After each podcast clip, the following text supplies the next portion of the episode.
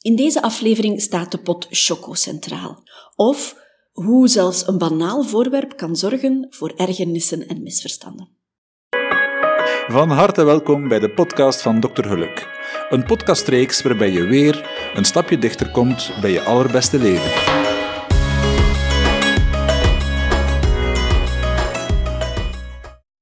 De tweede aflevering, fijn dat je er terug bij bent. Het is allemaal nog wat spannend voor mij. Het is ook nog nieuw. De techniek, dat inspreken, dat opladen en zo. De pot choco dus. Ik nodig je eerst uit om even stil te staan en na te denken wat een pot choco voor jou betekent. Dus je ziet die pot voor jou staan in gedachten. Die pot heeft een kleur, een merk. Die choco heeft een smaak, oké. En welke associaties komen er automatisch bij jou op als je die ziet? Heb je daar een positief gevoel bij of een negatief gevoel? En welke herinneringen komen spontaan bij je op? Welke gedachten heb je spontaan als je die pot choco voor jou ziet staan? Nu, bij mij zijn dat er heel wat. Ik heb daar heel wat associaties bij. Sinds mijn kindertijd al zijn die associaties gemaakt en er komen er nog altijd maar bij. Dus ik neem je mee in gedachten om jou te tonen waarvoor die chocopot voor mij staat. Ik was een klein meisje en af en toe ging ik logeren bij mijn grootouders. Ik was daar heel graag. En s'morgens, ja, kreeg ik boterhammen en smeerde ik mijn boterhammen met choco. Nu, die choco, dat was geen Nutella. Dat was waarschijnlijk een goedkoop merk. Hoe ik het mij voorstel, ik kan er geen beeld meer op plakken. Maar ik weet dat daar choco stond en dat ik mijn boterham aan het smeren was. En dat ik ineens opgeschrikt werd, want was daar heel gezellig. Ik, ik, voelde me daar altijd op mijn gemak en veilig. En ineens werd ik opgeschrikt door de boosheid van mijn opa. Mijn grootvader, die eigenlijk nooit boos werd, een hele rustige, aangename man, die ik eigenlijk nooit boos zag. En ineens vliegt die uit en ik had niet door waarom. Bleek dat ik mijn boterham aan de verkeerde kant besmeerde, volgens hem. Als je een snede uit een rond brood neemt, dan moet je eens goed kijken, dan heb je eigenlijk een kleine oppervlakte en aan de keerzijde van die boterham zit een grotere oppervlakte. Ik had daar nog nooit, nog nooit bij stilgestaan. Maar mijn grootvader die vond dat ik eigenlijk die kleine oppervlakte moest besmeren. Dus hij was kwaad, ik had eigenlijk die grote, onbewust, onbewust, had ik die grotere zijde van de boterham besmeerd. Ik begreep totaal niet wat ik eigenlijk verkeerd gedaan had. Ten eerste had ik er niet bij nagedacht, was het heel onbewust gebeurd. En ten tweede zag ik eigenlijk het verschil niet. Dat moet over een paar vierkante millimeter choco gegaan zijn. En achteraf legde mijn grootmoeder en mijn moeder mij uit van je moet dat begrijpen, want Peter, want zo noemde ik hem, uh, Peter is, is een kind van de oorlog, stond er alleen voor met zijn moeder, was de enige kostwinner, is gevlucht voor de Duitsers, zodat hij niet in een krijgskamp moest gaan werken. Hij is, hij is gevlucht naar Frankrijk. Die hebben heel veel armoede gekend en daardoor is Peter zo zuinig. En daardoor gaat hij letten en vindt hij dat natuurlijk heel decadent als ik maar uh, ruim mijn boterham besmeer. Nu ja, ik vond die reactie wat overdreven, maar wat kon ik zeggen als die man zoveel meegemaakt had? Hè? En als dat voor hem, als mijn gulzigheid, in zijn ogen mijn gulzigheid, hem zo triggerde.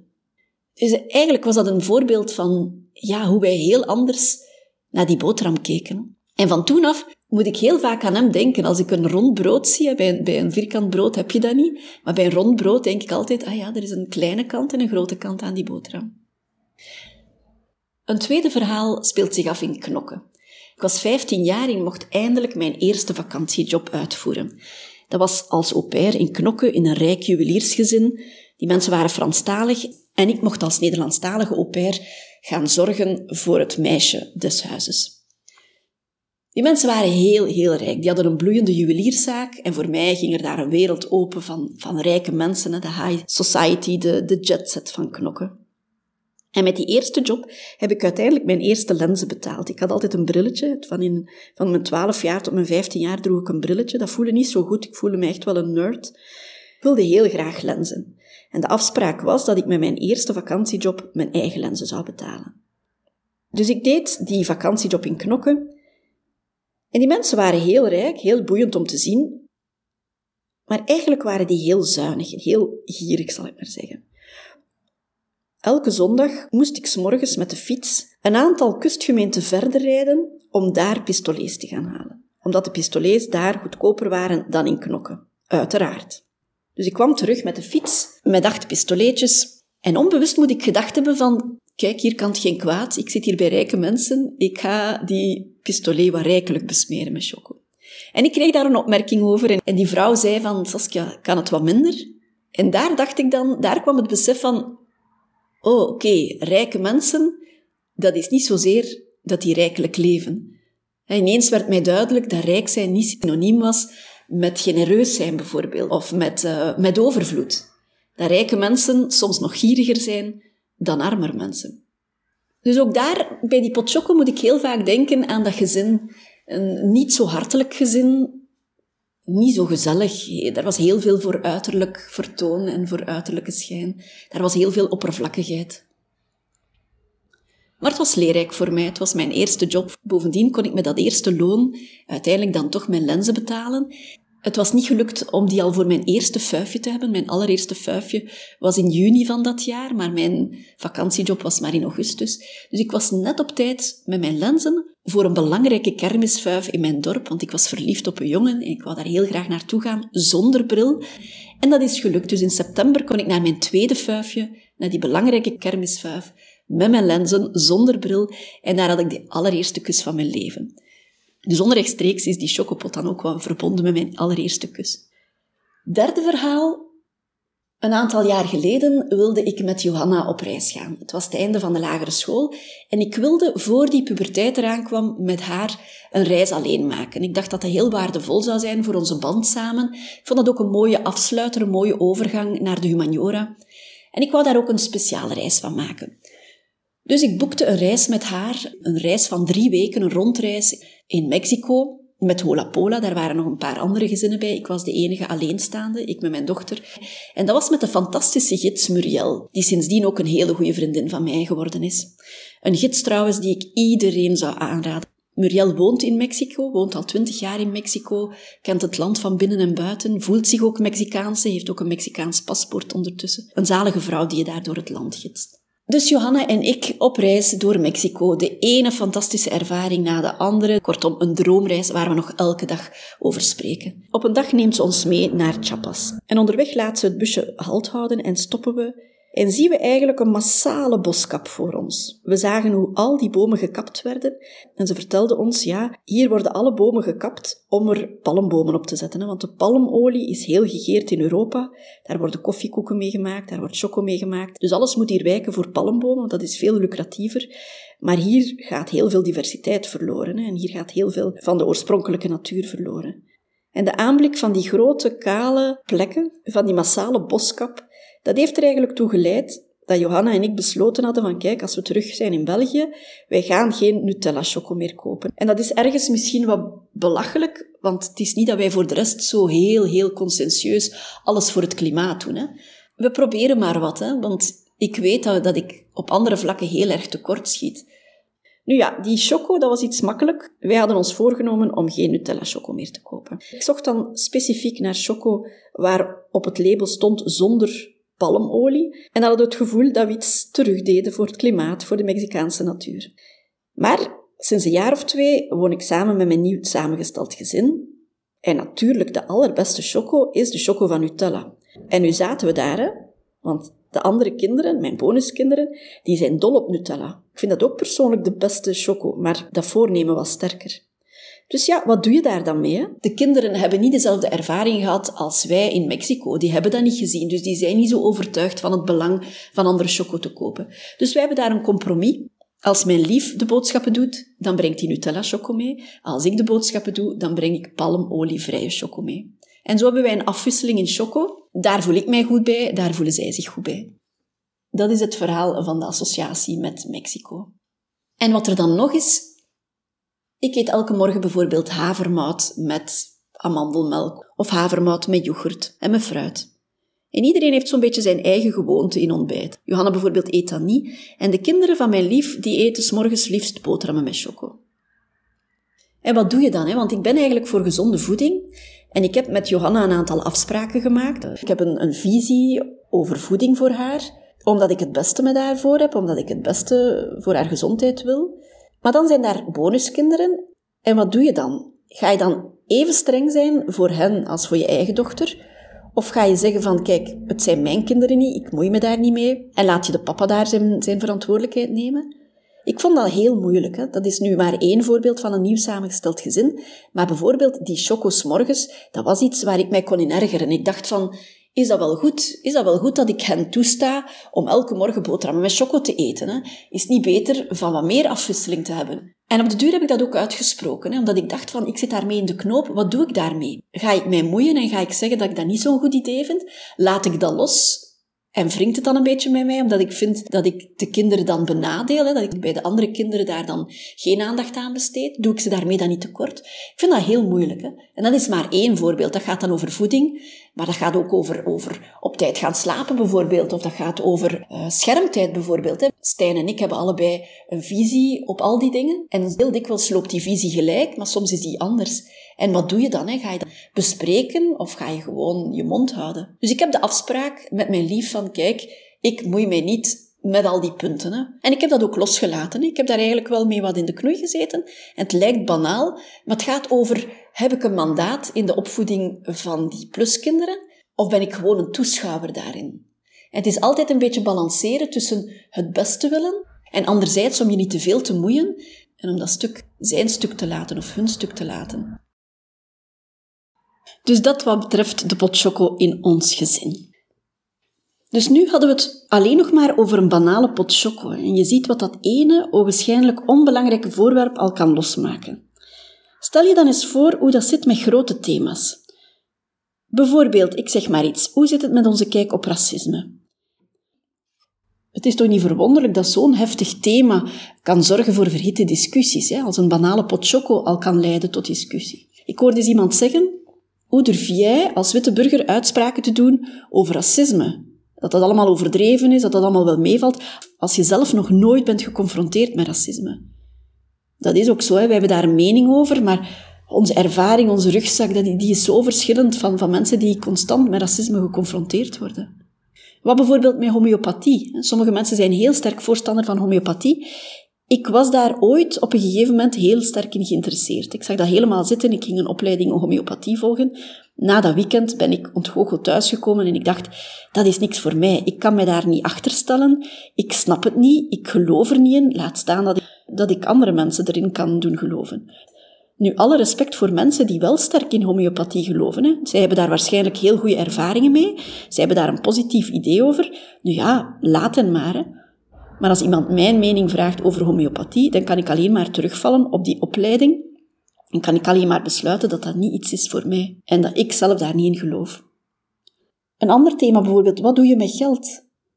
Geld is zo'n belangrijk thema, zo'n beladen thema. Dat zit al van in de jeugd. Hè? Welke ervaring heb je als kind gehad?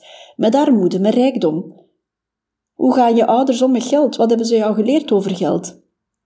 Bijvoorbeeld enkele dagen geleden was ik in gesprek met een vriend van vroeger. Hij is eh, intussen een succesvol zakenman. En het ging over gelukkig zijn hè, en over ons gelukkig leven. En ik was maar aan het vertellen dat voor mij tijd veel belangrijker is dan geld. Hè. Dat ik eigenlijk heel gelukkig was nu, omdat ik meer tijd heb. Ik heb minder geld, maar meer tijd. En toen ik dat navroeg bij hem, toen had hij het over zijn volgende businessdoel. Hij had het over de omzet die hij wou behalen volgend jaar ten opzichte van vorig jaar. En we hadden het over onze verschillende kijk over geld en hij zei, jij kan je niet inbeelden wat het is om op te groeien in armoede. Voor mij, zei hij, is zekerheid, financiële zekerheid, is zo een bron van geluk voor mij, omdat dat zoveel zorgen wegneemt. Ik kan voor mijn ouders zorgen, zei hij. En ik heb dat allemaal niet meegemaakt. Ik ben niet in armoede opgegroeid. Bij ons is er altijd financiële zekerheid geweest. Geen rijkdom, maar wel financiële zekerheid. Dus hoe kan mijn visie op geld dezelfde zijn als die voor hem? Dus als je volgende keer in discussie gaat met iemand, nodig ik jou uit om eerst stil te staan van wat betekent het voor die ander. Je hebt sowieso een andere kijk op die dingen. En eigenlijk is het dan aangewezen om gewoon te gaan informeren wat dat met die ander doet. Hè.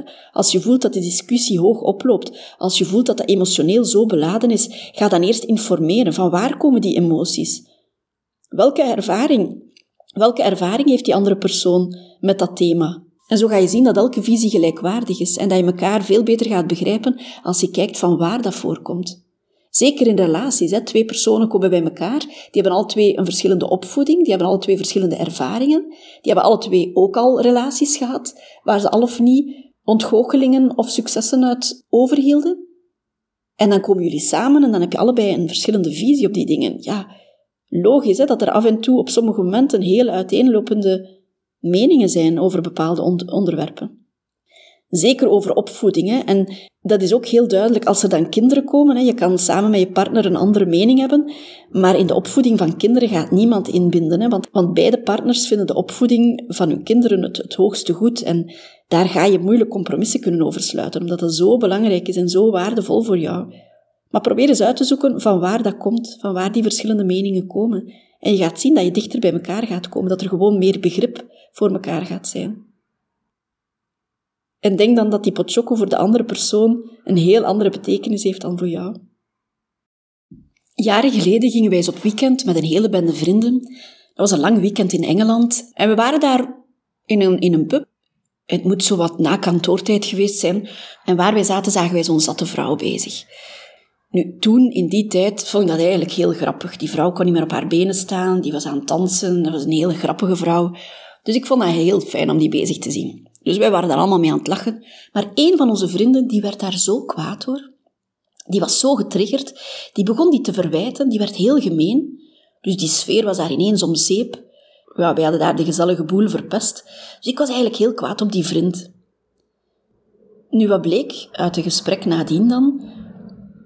Hij had die vrouw gezien en hij was zo teruggecatapulteerd naar zijn jeugd, met zijn alcoholistische mama, met zijn traumatisch verleden, dat hij alleen maar minachting kon voelen voor die vrouw. Hij zag in gedachten het kleine jongetje dat hij toen zelf was. En hij kon alleen maar kwaad worden op die vrouw. Ik had dat helemaal verkeerd ingeschat. Ik had hem kwalijk genomen dat hij zo kwaad werd, zonder reden. Dat hij de boel daar verpest had, terwijl ja, bij hem was er iets getriggerd. Hè, was, er, was zijn trauma terug naar boven gekomen. Dus als iemand heftig uit de hoek ziet komen, als iemand een ongepaste of een onverwachte reactie ziet geven, denk er dan aan dat er heel wat in dat rugzakje zit. Ik had eens in de praktijk een patiënte die heel erg beschaamd was over haar burn-out. Ze had drie kinderen, een goede job, alles om gelukkig te zijn en toch voelde ze zich ellendig door een, door een burn-out. En ze refereerde naar een buurvrouw van haar, die toevallig ook bij mij patiënt was, en zei, maar die kan dat wel, wat een supervrouw is dat dan wel niet. Dus die patiënte die bij mij zat, die had het over haar buurvrouw en die vergeleek zich met die buurvrouw, die ze bewonderde, maar waarvan ze niet wist, en ik wist dat wel, want zij was bij mij ook patiënt, dat hij ook in een burn-out zat en dat hij heel depressief was, heel ongelukkig, dat hij niks deed, dat hij zelfs niet naar haar brievenbus durfde gaan om haar post te gaan halen, uit angst dat haar buren zouden zien dat zij thuis was en niet zou gaan werken. Terwijl die andere vrouw dacht dat zij geweldig was. Ik kon natuurlijk niks zeggen, hè, want ik heb een beroepsgeheim. Maar hoe erg is dat niet dat je je vergelijkt met een versie die je denkt te kennen van de andere, terwijl die versie helemaal niet zo geweldig is als dat jij wel denkt, waardoor dat jij je minder gaat voelen dan die ander.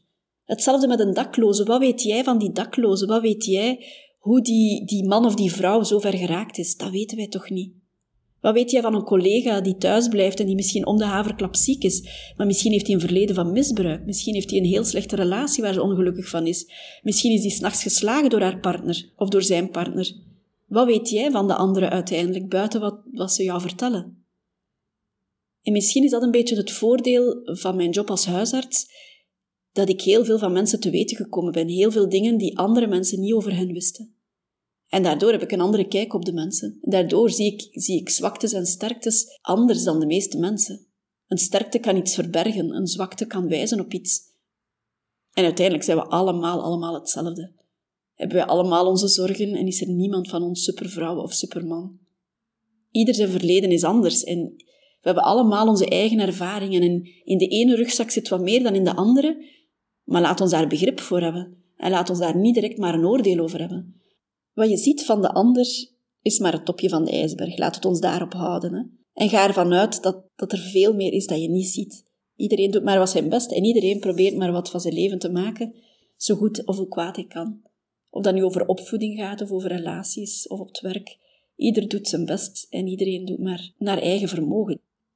Zo, dit was de tweede aflevering van mijn podcast. Als je geen enkele aflevering wil missen, abonneer je dan zeker. En dan kijk ik uit naar de volgende. En laat zeker een reactie achter als je iets kwijt wil over wat goed was of wat beter kan. Je vindt mij terug op Facebook onder Dr. Geluk of Saskia van Varenberg, of op Instagram onder Dr. Geluk of Saskia van Varenberg en op mijn website www.drgeluk.com. Fijne dag!